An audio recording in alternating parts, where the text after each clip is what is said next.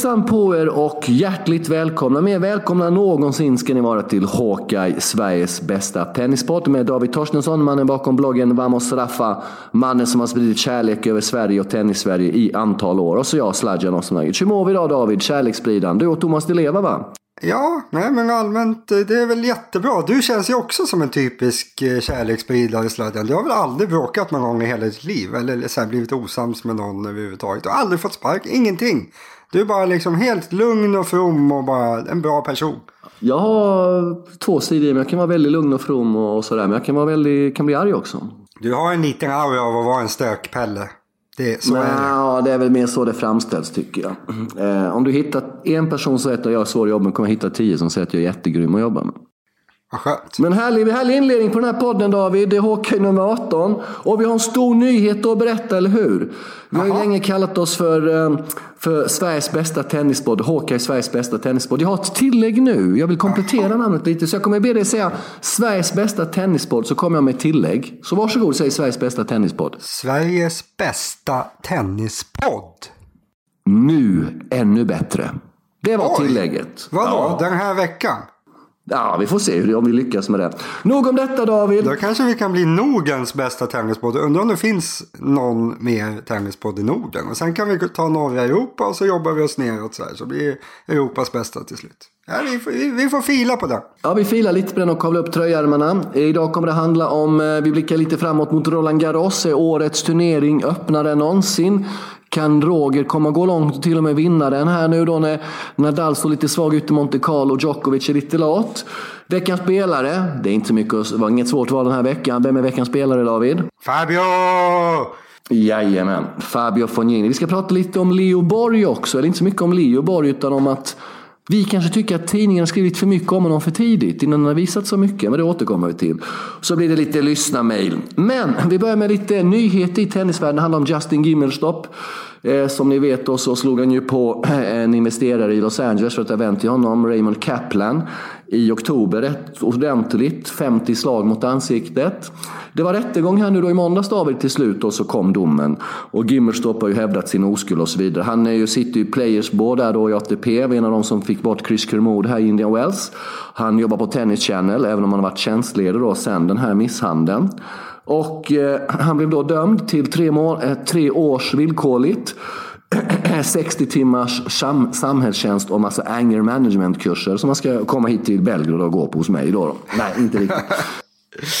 Och Wimbledon har redan gått ut då, David, alltså som lyssnar, att han inte kommer få spela i Legends dubbelturneringen i sommar. Han kommer inte få sitta i The Royal Box. Frågan är om han kommer få en akkreditering överhuvudtaget.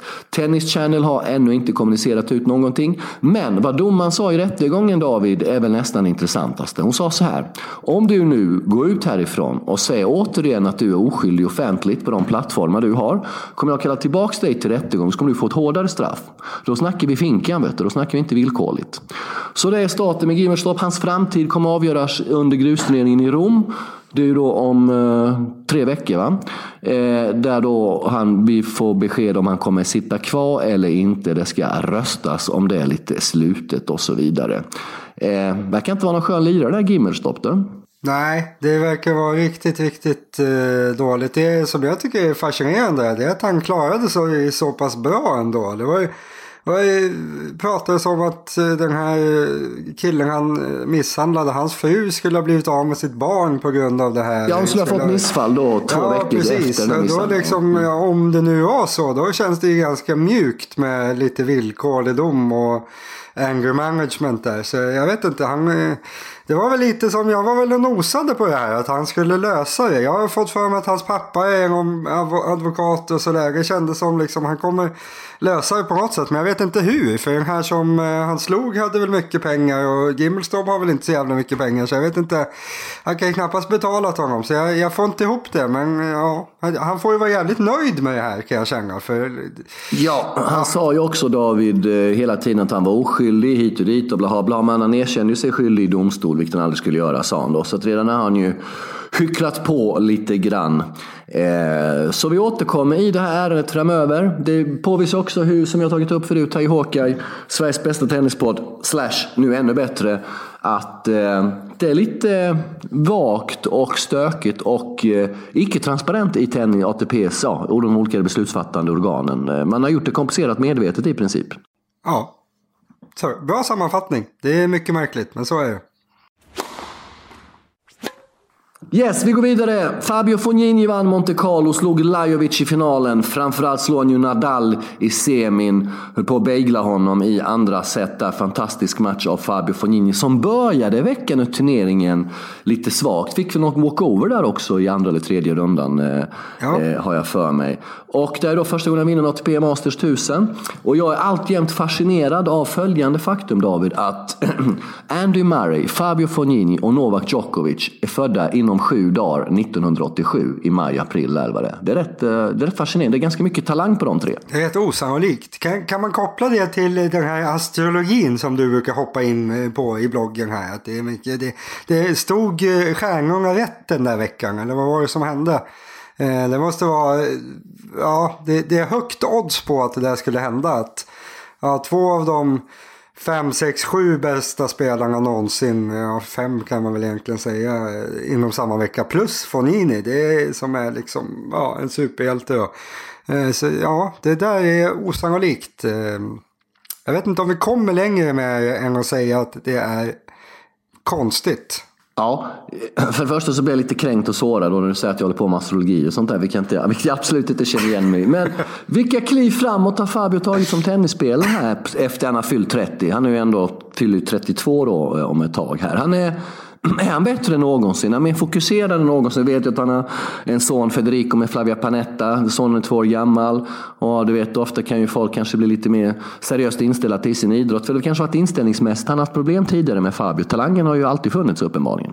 Ja, jag skulle väl säga att han har utvecklat absolut ingenting. Han är bara exakt samma eh, Fognini som förut. Han är som, lite som en eh, slumpgenerator. Det kan liksom, man slänger in eh, allt han har i en tombola. Så ibland så hamnar grejerna i rätt ordning och då kan han spela ganska bra.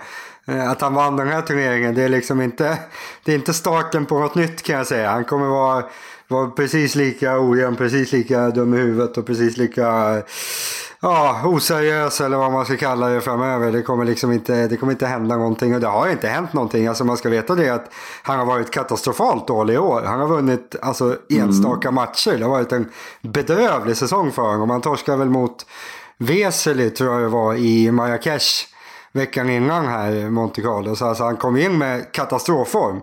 Eh, och jag vet inte, det var ju liksom inte det var inte som att det var så här superimponerande genom hela turneringen. Utan det var ju, ja det var ju, han gjorde ju någon bra, ett par bra matcher liksom. Och sen slog han Lajovic i finalen som man ska slå även en lite halvtaskig dag. Så, alltså, Ja, det, det är Nadal-matchen man ska fokusera på såklart. Han slog Koric också, eller Coric som Sladjan brukar tycka att jag ska säga. Eh, han slog honom också, det är Han bra. heter ju så. så Ja, ja, men vi är, vi är väl svenskar mig veterligen. Vi säger väl inte alla utländska, om vi ska sitta ut, uttala... Jo, men om en engelsman Rafael liksom... Nadal! Så säger vi inte, jo, vi säger jo. bara Nadal. Jo, men om en, engelsman, om en engelsman heter George så säger du inte Georg. Nej, men jag skulle kunna tänka mig att säga Murray, fast de säger Murray. Det är lite ja. sådär, bara för att du råkar vara från den här ja, vad vi nu ska kalla det där. Så jag tycker inte vi ska vara så hårda. Ja, vad vill du kalla det? Vad vill du kalla det? Jag är från Nej. Värnamo fortfarande. Jag är inte härifrån. Jag är från Värnamo. Nej, du, vad vill du, du kalla det då? Du har vissa, vissa gener från där nerifrån och du bor nere i ett speciellt område också. Så du har en stark koppling ja. till där den här lilla, där jag har svårt att hålla sams ja. så att säga. Ja, inga konstigheter. Vi ska inte se in för mycket på det politiska. Men noterbart är att Fabio Fognini, Dominic Thiem, Rafa Nadal och Guillermo Correa är de enda som har slagit Rafa Nadal tre gånger vardera ja. på grus. Det säger någonting om Fabios klass ändå, eller hur? Verkligen. Eh, det var 2015 han vann de här två gångerna innan eh, den här gången mot Nadal. Och då var ju Nadal i... Han hade en av de här perioderna då han var i dåligt skick. Mm. Men, det man ska mm. säga. Jag läste någonstans att eh, Fognini hade sagt till Nadal innan på något sätt. det gäller inte honom i alla fall. Att jag, har, jag har ett spel för att kunna hantera dig, typ, sa han. Eh, dagen innan matchen eller när det var. Det sa han säkert på skoj. Han verkar vara en ganska rolig kille, Fabio. Men eh, det stämmer det stämmer. Han har liksom, han läser ju spelet väldigt bra. Eh, och kan ta bollen ganska tidigt där, därmed. Och då blir det lite så att Nadals de här blytunga toppspinslagen, de biter ganska dåligt. För då står bara Fabio där helt plötsligt och liksom använder farten och bollar tillbaka. Eller kan till och med lägga på lite fart. Så han är en problemspelare för Nadal. Sen har ju Nadal superövertag i inbördes ändå. Men eh, han har rätt där Fabio. Att han har verkligen ett spel för att kunna få Nadal att inte vara särskilt effektiv. Eh, sen på, när man ändå är inne på det ska man säga att Nadal var ju ska man säga, ovanligt tydlig efter matchen. Jag har aldrig hört honom säga något sånt där. Men han, han sa ju att det var kanske eller förmodligen min sämsta match på grus på 14 år. Och han brukar ju vara väldigt mycket så här att man, han säger liksom att motståndaren var bra, jag, det, var, det var han som vann matchen, det var, det var inte jag som var dålig. Han brukar vara väldigt sådär överdrivet snäll mot motståndaren i, i intervju efter matchen. Den här gången var liksom, han, han kände nog att det här var riktigt, riktigt, riktigt jävla dåligt. Eh, och det var det ju också. Alltså, jag kommer ihåg jag skrev om hans eh, kvartsfinal mot Pella eh, dagen innan där. Och då, alltså jag skulle nog säga att han egentligen var sämre i den matchen. Han låg under med 4-1 eller vad det var med dubbelbreak i första. Alltså han, han satte inte en boll.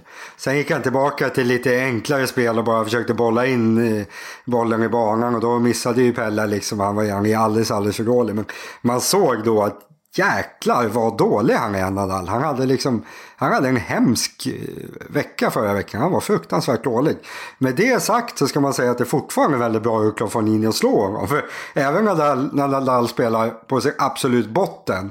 När han är liksom fysiskt fräsch, vilket, vilket han var förra veckan. Då är det ganska svårt att slå honom ändå oavsett hur mycket han missar. Så väldigt bra hur av Men det är en stor del av det att Nadal kan nog inte spela mycket sämre än vad han gjorde så länge han inte är skadad. Mm. Och då har vi då, detta leder mig osökt in på, på, på Roland Garros. Vi satt ju och surrade lite över skypen häromdagen då, förberedde lite.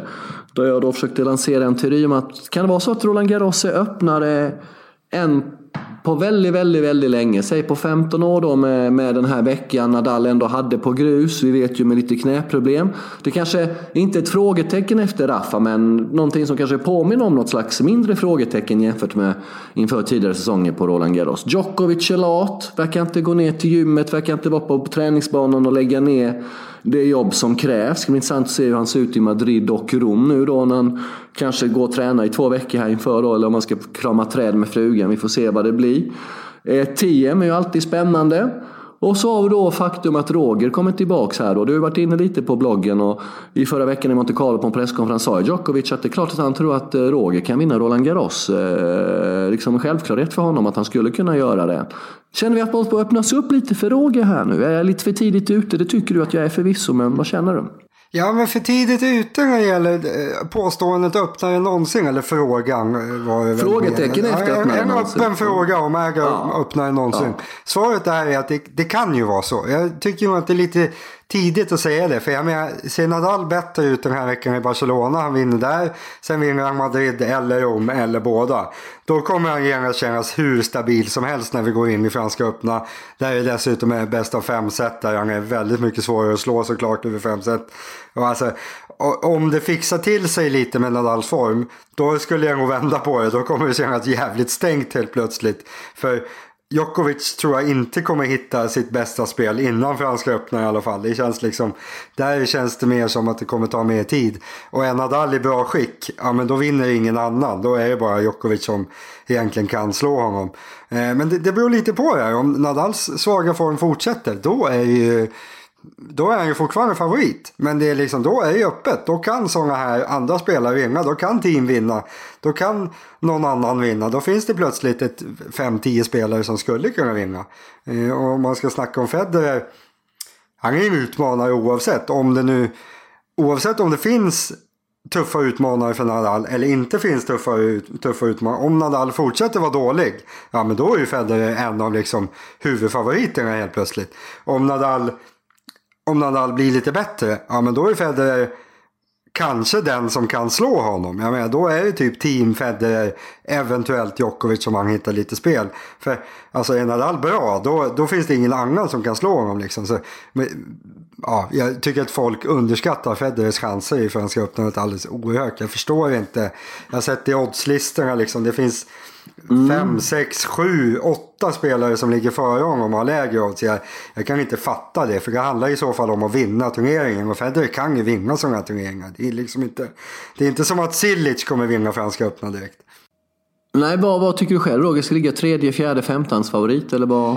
Efter eh, TM, eller Nadal, ja, TM, Djokovic där någonstans? Ja, han är väl, alltså, jag skulle nog säga att han är min fjärdehandsfavorit nu i och med att Zverev är så fruktansvärt dålig. Så ja, vi, vi, vi, vi trycker in, vi trycker in pausknappen där David. Vi återkommer till, vi tar Barcelona att han torskade ja, ja, ja, igår. Då. Får jag inte nämna Zverevs namn? Är det det du säger? Jo, jo, jo, jo. Ta, sågen, ta fram sågen nu så återgår vi till Roland Gross efter att du har sågat hans match igår. Så passa på, passa på att ta fram sågen nu. Det var det jag ville ja, säga. Ska jag starta den? Jag startar den. jag startar den. Dra igång den, dra igång den. Ja, eh, jag, jag såg... Jag såg honom spela mot Nicolas Jarry eller Hugo. Vi har ingen spansk eh, kung här så vi får sätta en eh, liten parentes runt eh, uttalet där. Men han är ganska bra den här eh, chilenaren. Han har bra serve, slår ganska hårt, eh, rankad 80 i världen. Jag tycker egentligen att han ska vara lite bättre än så. Han, är kanske, han har absolut kapacitet att vara topp 50. Så han är, en, han är en ganska kapabel spelare för att vara topp 100 med ganska liten marginal som han är nu. Eh, men, men alltså Sverige, det, det, det, finns ingenting. Det finns ingen, ingen, ingenting. Eh, när jag skrev om matchen igår så frågade jag, är det någon som ser någonting här som liksom ser ut att fungera? Svaret på den frågan är ju nej. Han, han, han servar lite sämre än vad han ska. Eh, han returnerar sämre än vad han ska. Och sen när bollen är i spel, då är han bara han är liksom typ Istomin. Han står bara och bollar tillbaka. Han är en stor klump som bara står och slår tillbaka bollen. Sådana spelare, det finns ju liksom, det finns 200 sådana inom tennisen. Och han är absolut på den övre halvan även när han är så här bra. Men han är liksom, han är en medelspelare på ATP-touren just nu. Utan att vara skadad. Och att man har en världstrea som är en medelspelare på ATP-touren. Vilket betyder att han kanske är 40-50 i världen. Det är otroligt sällsynt. Jag tror aldrig jag har varit med om det faktiskt. Att man har haft en topp tre-spelare som har varit så dålig utan anledning. Det vill säga inte är skadad. Han har inte haft några skadeproblem. Han är bara dålig. Han har tappat liksom allt. Det finns ingenting att bygga runt just nu. Allt är bara dåligt. Men det är inte sagt att det kan vända. Jag menar, han kan ju spela. Det var ett halvår sedan han vann slutspelet och var jättebra. Men det här, mm. det är mm. helt sjukt hur det kan gå så mycket åt fel håll. De som liksom jag vet inte, de måste sitta och dra sitt huvud i väggen, både han och de som försöker hjälpa honom. För jag, jag förstår inte hur man kan tappa allting på det här sättet. Det är, det är helt eh, makabert. Ska han dumpa, dumpa pappa? Som, som jag var berört förut, det är det bestående i boxen. Sen har det kommit och gått folk. Utväxling med länder får man ju säga har ju varit obefintlig. Ska han börja om, göra om från scratch så är det någonting måste göras desperat här. Jag menar, det ser ju inte bra ut. Ja, Nej, ja, det är klart han skulle behöva göra det. Men det kommer han inte göra. Det är väl det. Så gör man väl inte. Det är väl inte... Ja, det är inte många i alla fall som har dumpat sina föräldrar när de väl har börjat åka runt med dem. Så jag vet inte. Det, det kommer väl troligtvis inte hända. Så han får väl titta på andra saker. Jag, vi tjatade ju om det här för någon vecka sedan. Jag, jag vet inte om man har Lendl kvar på samma sätt som man haft förut. Eller om det har börjat tunnas ut lite. Men han skulle ju behöva liksom. Han måste få in något nytt. Han måste framförallt han själv måste hitta något sätt, något han tror på. Det känns ju som det här, han kan inte tycka att det här är så bra själv. Det, eller har bara blivit snett. Eh, sen vad han gör åt det, det är väl upp till han. Det är klart att han skulle behöva kanske plocka bort eh, pappan och börja åka runt själv med någon tränare. Det skulle säkert kunna vara bättre, men jag vet inte. Fan har ja, det är Murrays gamla fystränare Jess Green, mm. liksom Lendl är där. Det är, liksom, det är ju bra kompetent folk som, som bevisligen har liksom lett sina tidigare adepter till väldigt, väldigt stora framgångar. Är det Zverevs inställning? Är det hos honom mentalt problemen? Om du tittar på en, jämför honom med Murray, med Murrays totala ambition, totala hängivenhet, så kändes ju, eller han och Lendl var ju en perfect match. Eh, Jess Green sägs ju vara den absolut tuffaste fystränaren, eh, värre än Gritsch betydligt hit och dit. Är det hos Zverev själv problemet ligger? Man, jag börjar ju nästan kan dra åt det hållet här för att det har varit väldigt mycket omsättning på folk i boxen. Och nu ser det ut som det ser ut. Liksom. Det som du säger, han vann då alltså ATP-slutspelet i november. Va? Det är maj snart här nu. Va? Det är ett halvår i princip. Och Nej, det, det, det, det, det, det, det, som inte, han måste ju liksom eh, gå in i sig själv som klichén säger här för att någonting eh, desperat, det, det krävs ju nästan desperata åtgärder va Torstensson? Ja, men det, det, kan vara rätt folk, rätt, folk men inte rätt folk för honom kan det ju vara. Jag menar, han är ju mm. väldigt ung fortfarande och har har liksom, trots att han är ung, han redan håller på i många år. Han kanske skulle behöva ha någon lite yngre. Det är ganska, inte gamla människor med våra mått mätt, men för honom är det ju gamla gubbar han har runt sig. Han kanske skulle behöva starta om med någon, någon lite yngre kille som den här, han som var Murrays tränare förut och Berdic har han väl haft och Dimitro, den här vad heter han, Dani Valverde typ. Han är väl dryga ja. 30, 30 någonting, 35 kanske. Han, ja, jag säger inte att det ska vara den killen, men någon lite yngre, någon som precis har slutat, något, något helt annat än att ha Lendl. Jag menar, eh, Sverige vet ju inte vem Lendl är egentligen. Han, han har inte varit med när Lendl har spelat liksom och sådär. Så han kanske skulle behöva ha någon som han respekterar av att han har sett honom spela när han var ung. På något sätt. Så att han, det, det känns som att det skulle kunna vara så att han inte riktigt lyssnar på de människorna han har runt sig just nu. Eh, det finns säkert massor av orsaker men ja, han skulle behöva göra någonting rejält tror jag. Jajamän, det är nog hans pappa som har valt länder. Vi lämnar Sverige eh, och återknyter till Roland Garros. Eh, sätter en liten punkt för Roland Garros-året. Där vi helt enkelt tror att det är lite läge för Roger gå riktigt, riktigt långt om Nadal fortsätter visa sig vara i det här slaget och Djokovic fortsätter att vara lat. Ungefär så. Du, eh, din, eh, din eh, favorit på tjejtouren, Naomi Osaka, är lite trubbel förresten. Visste du det? Just det, just det. Det lät spännande tycker jag. Hon fick inte vara både japan och amerikan längre, eller hur var det? Nej, hon får inte i oktober, måste hon bestämma sig, japanskt eller amerikanskt medborgarskap. Har ju haft dubbelt då, flyttade från Japan till USA när hon var tre bast. Va? Och så har hon ju bott i USA sedan dess. Och stämd i domstol, amerikansk domstol på två miljoner dollar av en före detta tränare som anser att han har rätt till prispengar. Eh, och, eh, så det är mycket tuffa beslut. Han har bytt sponsor också. Dumpade Adidas, gick över till Nike. Och går ju väldigt, väldigt dåligt för henne på banan. Den här veckan spelar tjejerna i Stuttgart. Sex av tio topp 10-spelare var anmälda. Nu är det bara fem eftersom Simona Halep har lämnat återbud. Vi återkommer till den nästa vecka kanske och ser hur det går för Naomi där. Eh, vad tror du hon väljer? Japanskt eller amerikanskt? Japanskt är väl väldigt bra om man tittar på endorsement, sponsordealar och så vidare. Om man tänker på den ekonomiska aspekten. Ja, men hon, eh, spelar, väl, hon spelar väl för Japan? Jag menar, hon kommer inte byta till att spela för USA. Så det, hon måste ja, det vet vi ju inte. Hon måste, om, hon, om hon hellre vill ha amerikansk medborgare så är det som alternativet. Och grejen är också att det är OS i Tokyo 2020. Nej, hon kommer välja Japan. Det gamla Uffe Samuelsson-syndromet där. OS i Nagano när han inte fick spela för Sverige för han var amerikan, eller hur var? Ja, problemet var bara att han spelade en match för Sverige innan de upptäckte det. Det var ju det som var... ja, de kanske skulle kunna upptäcka innan, titta lite i regelverket, titta igenom pärmarna. Men, Men det blev inte diskad ändå, det funkade ju. Fick ju vara ja, med. han fick ju inte vara med. Det gick åt helvete ändå. Torska mot Finland var det va? Teemu Selänne. Hemskt. Ja, 98, Nagano... 02 var det de här vitryssarna. Jag kommer inte ihåg. Skit i det, ishockey nu. Vi pratar Nagano tennis. Var, det var Finland. Torska mot Finland. Jag är säker. Det, det var hemskt. Leo Borg eh, skriver man ganska mycket om. Björn Borgs son i både Aftonbladet och Expressen har skrivit om i ett par år. Och att han vill nå nått framgångar på pojk och juniornivå. Jag tycker inte om att man skriver om honom. För hade han hetat eh, Leo Torstensson och nått samma framgångar eller ja, då hade man ju skrivit, då hade han ju varit en superkändis såklart om det var min de ja, jag förstår. Ja, du förstår vad jag menar. Och, och, och då är det här med förväntningar och så vidare, det kan bli ganska mycket. Men om vi, om vi tittar, om jag bara ber dig, jämför då vad Leo Borg har noterat i den här åldern kontra bröderna Ymer i den åldern. Hur ligger vi till då David? Ja, alltså det här är ju inte min, mitt specialområde. Varken eh, juniortennis eller liksom så här gräsrotstennis är ju min starka sida. Jag, jag bryr mig inte om det egentligen. Jag, jag brukar alltid säga att ja, men när man blir 17, 16, 17, 18 och börjar spela professionellt, då kopplar jag på och då kan jag plötsligt allt om spelarna. Eh, han är mm. fortfarande så ung att jag har relativt dålig koll, men allt jag kan se av vad han har gjort och vad bröderna Ymer gjorde. För alltså de stod ju ut, bröderna Ymer stod ju ut på ett helt, helt, helt annat sätt än vad Leo Borg i min väg verkar göra nu. Eh, jag satt och tittade lite på resultaten här från junior-SM var det väl. Eh, jag vet inte, han, han vann ju många matcher stort men sen var han ju liksom, han var ju någorlunda pressad i någon match också. Alltså, han är ju inte, han är inte superöverlägsen i Sverige.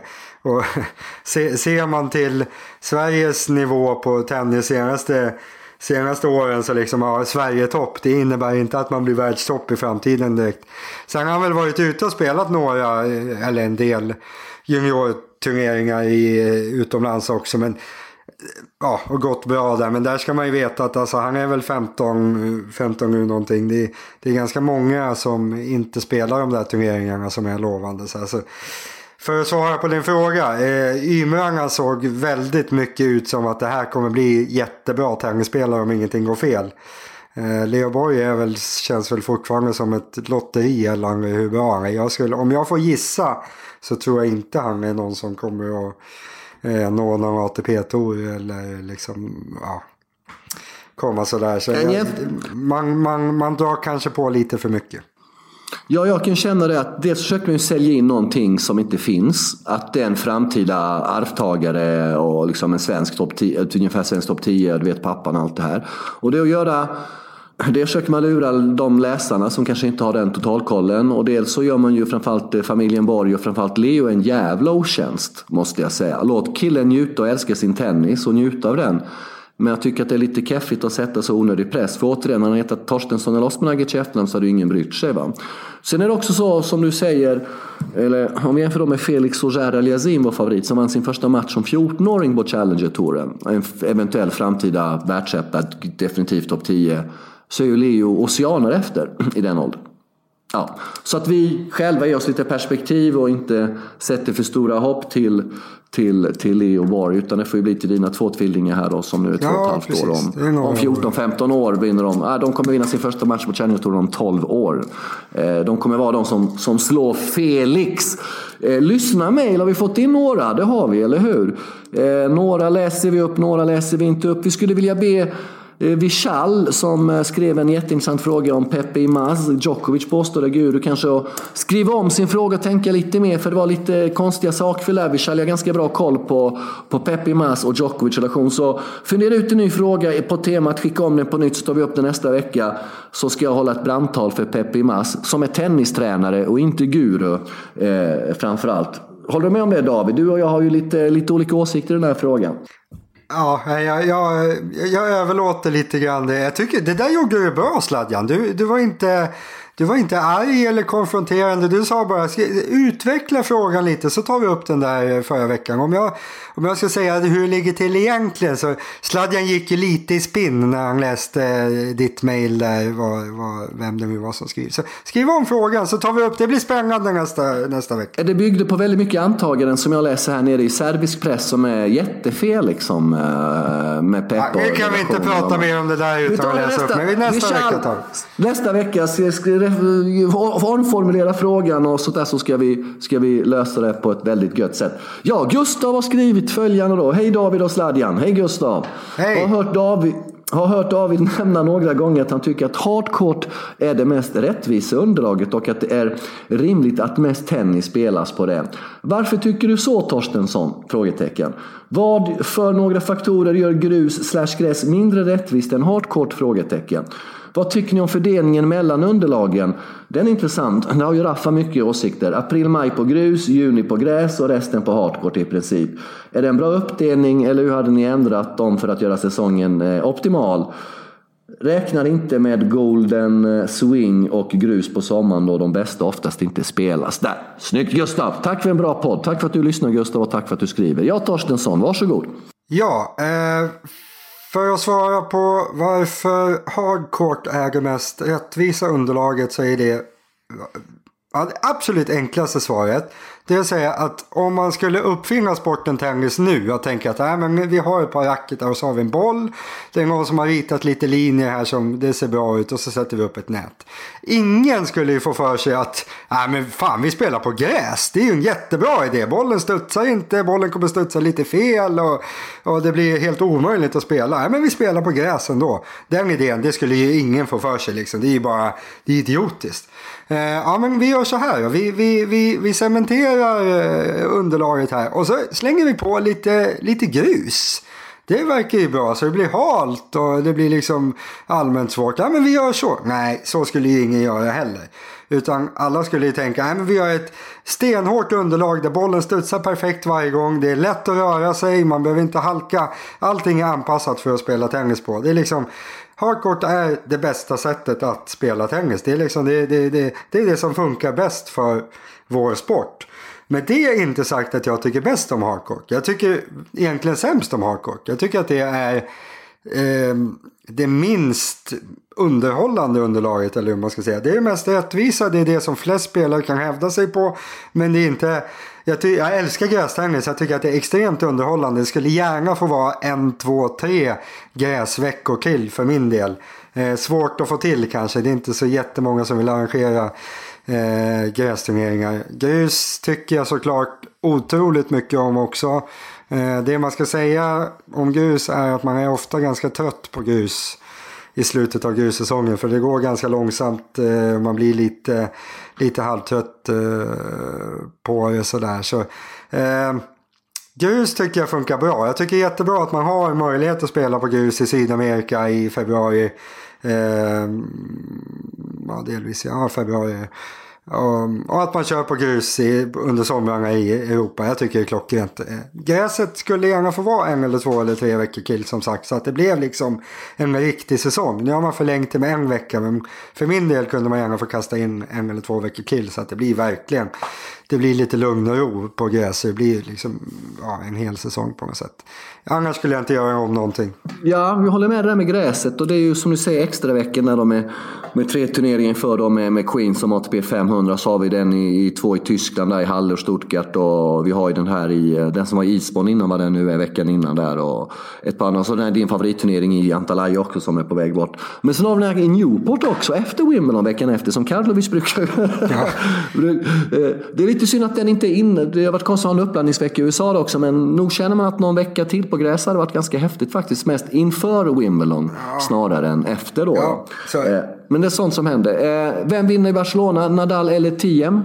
Ja, men man kan inte ställa frågan så. Det är klart det är väldigt troligt att Nadal eh, vinner. Men jag väljer Nadal. 1,64, betthag. Jag hade spelat alla dagar i veckan. Jag tror han, han, kommer inte acceptera att vara dålig en vecka till. Det, det kommer bli eh, bättre. Själv då? Vem vinner? Jag säger Dominic Thiem då, den stora Chelsea-supporten. Dominic Thiem. Han är ju väldigt mm. fotbollsintresserad. Han spelar det är vi väl alla. dubbelt Jo, jo, men han höll ju på att spela fotboll aktivt tills han var 12-13. Mm. Det är ändå ganska sent för att vara en ja. väldigt duktig tennis, junior pojktennisspelare, eller hur? Och blir det.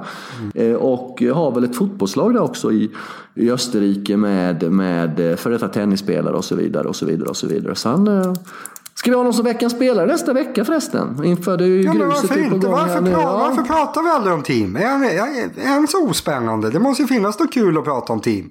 Vi pratade om honom efter honom när han vann Indian Wells. För guds skull, han slog Roger ja, i finalen. knappt. Vi pratar liksom inte om... Han har, det finns jättespännande saker som du får forska. Du som är vår grävare här. Den här stenåldersträningen. Den här fystränaren har som kör ut honom i skogen. Och så får han bara ligga där och leva på rötter och vatten i tre veckor och träna kondition typ.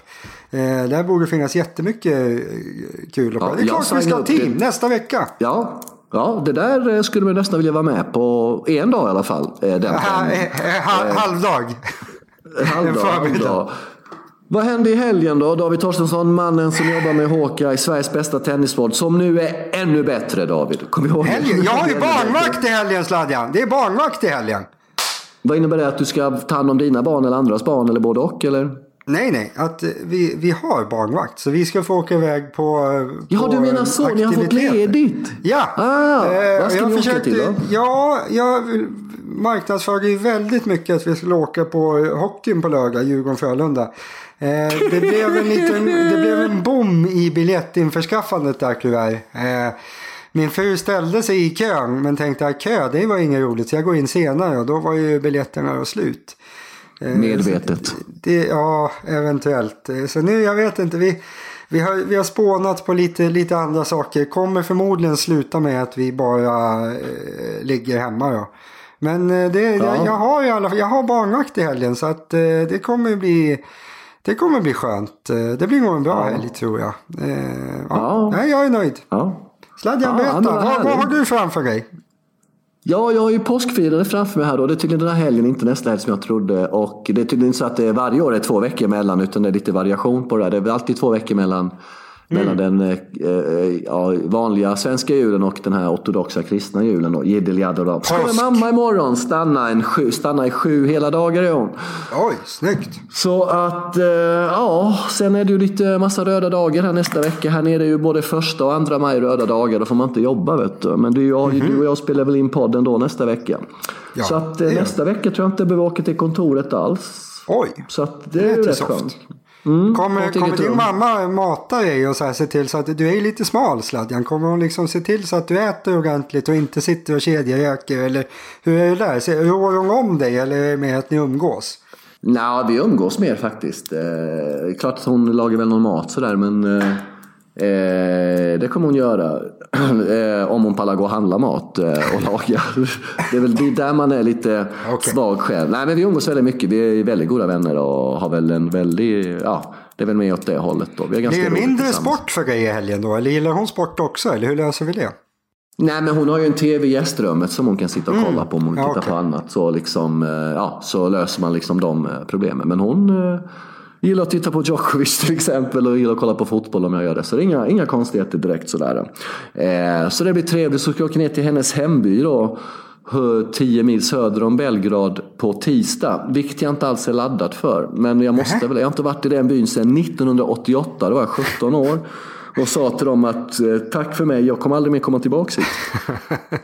Och för en gång skulle jag faktiskt sugen på att hålla mitt ord. Det är inte så ofta man gör det va? Alltså hela Nej. vägen. Så att, eh, vadå, var det så illa?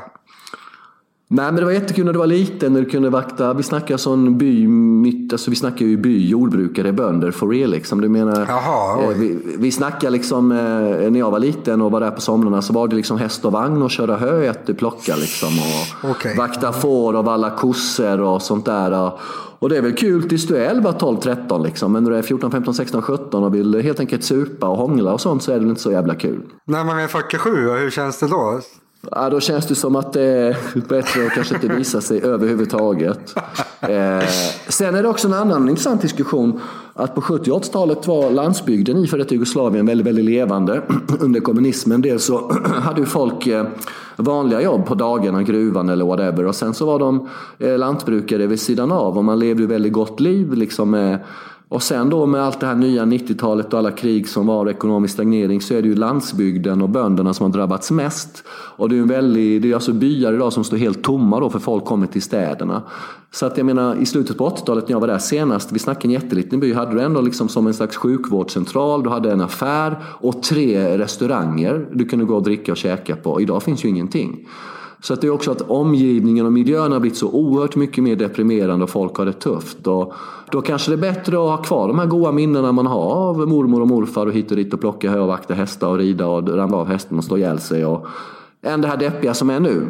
Så jag vet inte hur jag ska göra faktiskt. Jag, jag kommer först och främst att vi skippar den här jävla byn och gör något annat. Ja, men du får dra den där. Det lät, liksom, lät övertygande det där. Kör det där med gamla minnen och grejer. Så kan, det kan bita, man vet aldrig. Nej, nej, men det, det, morsan vill inte heller åka dit. Det är mer att hon måste. Så att, eh, vi får se hur det blir. Vi får se hur det blir. Ja, det var det. Det, det var Livsstilspodden. Eh, vad, hette, vad hette podden nu igen? Vad heter den här podden? Hawkeye! Sveriges bästa som- tennispodd. Som nu är vad då? Är den...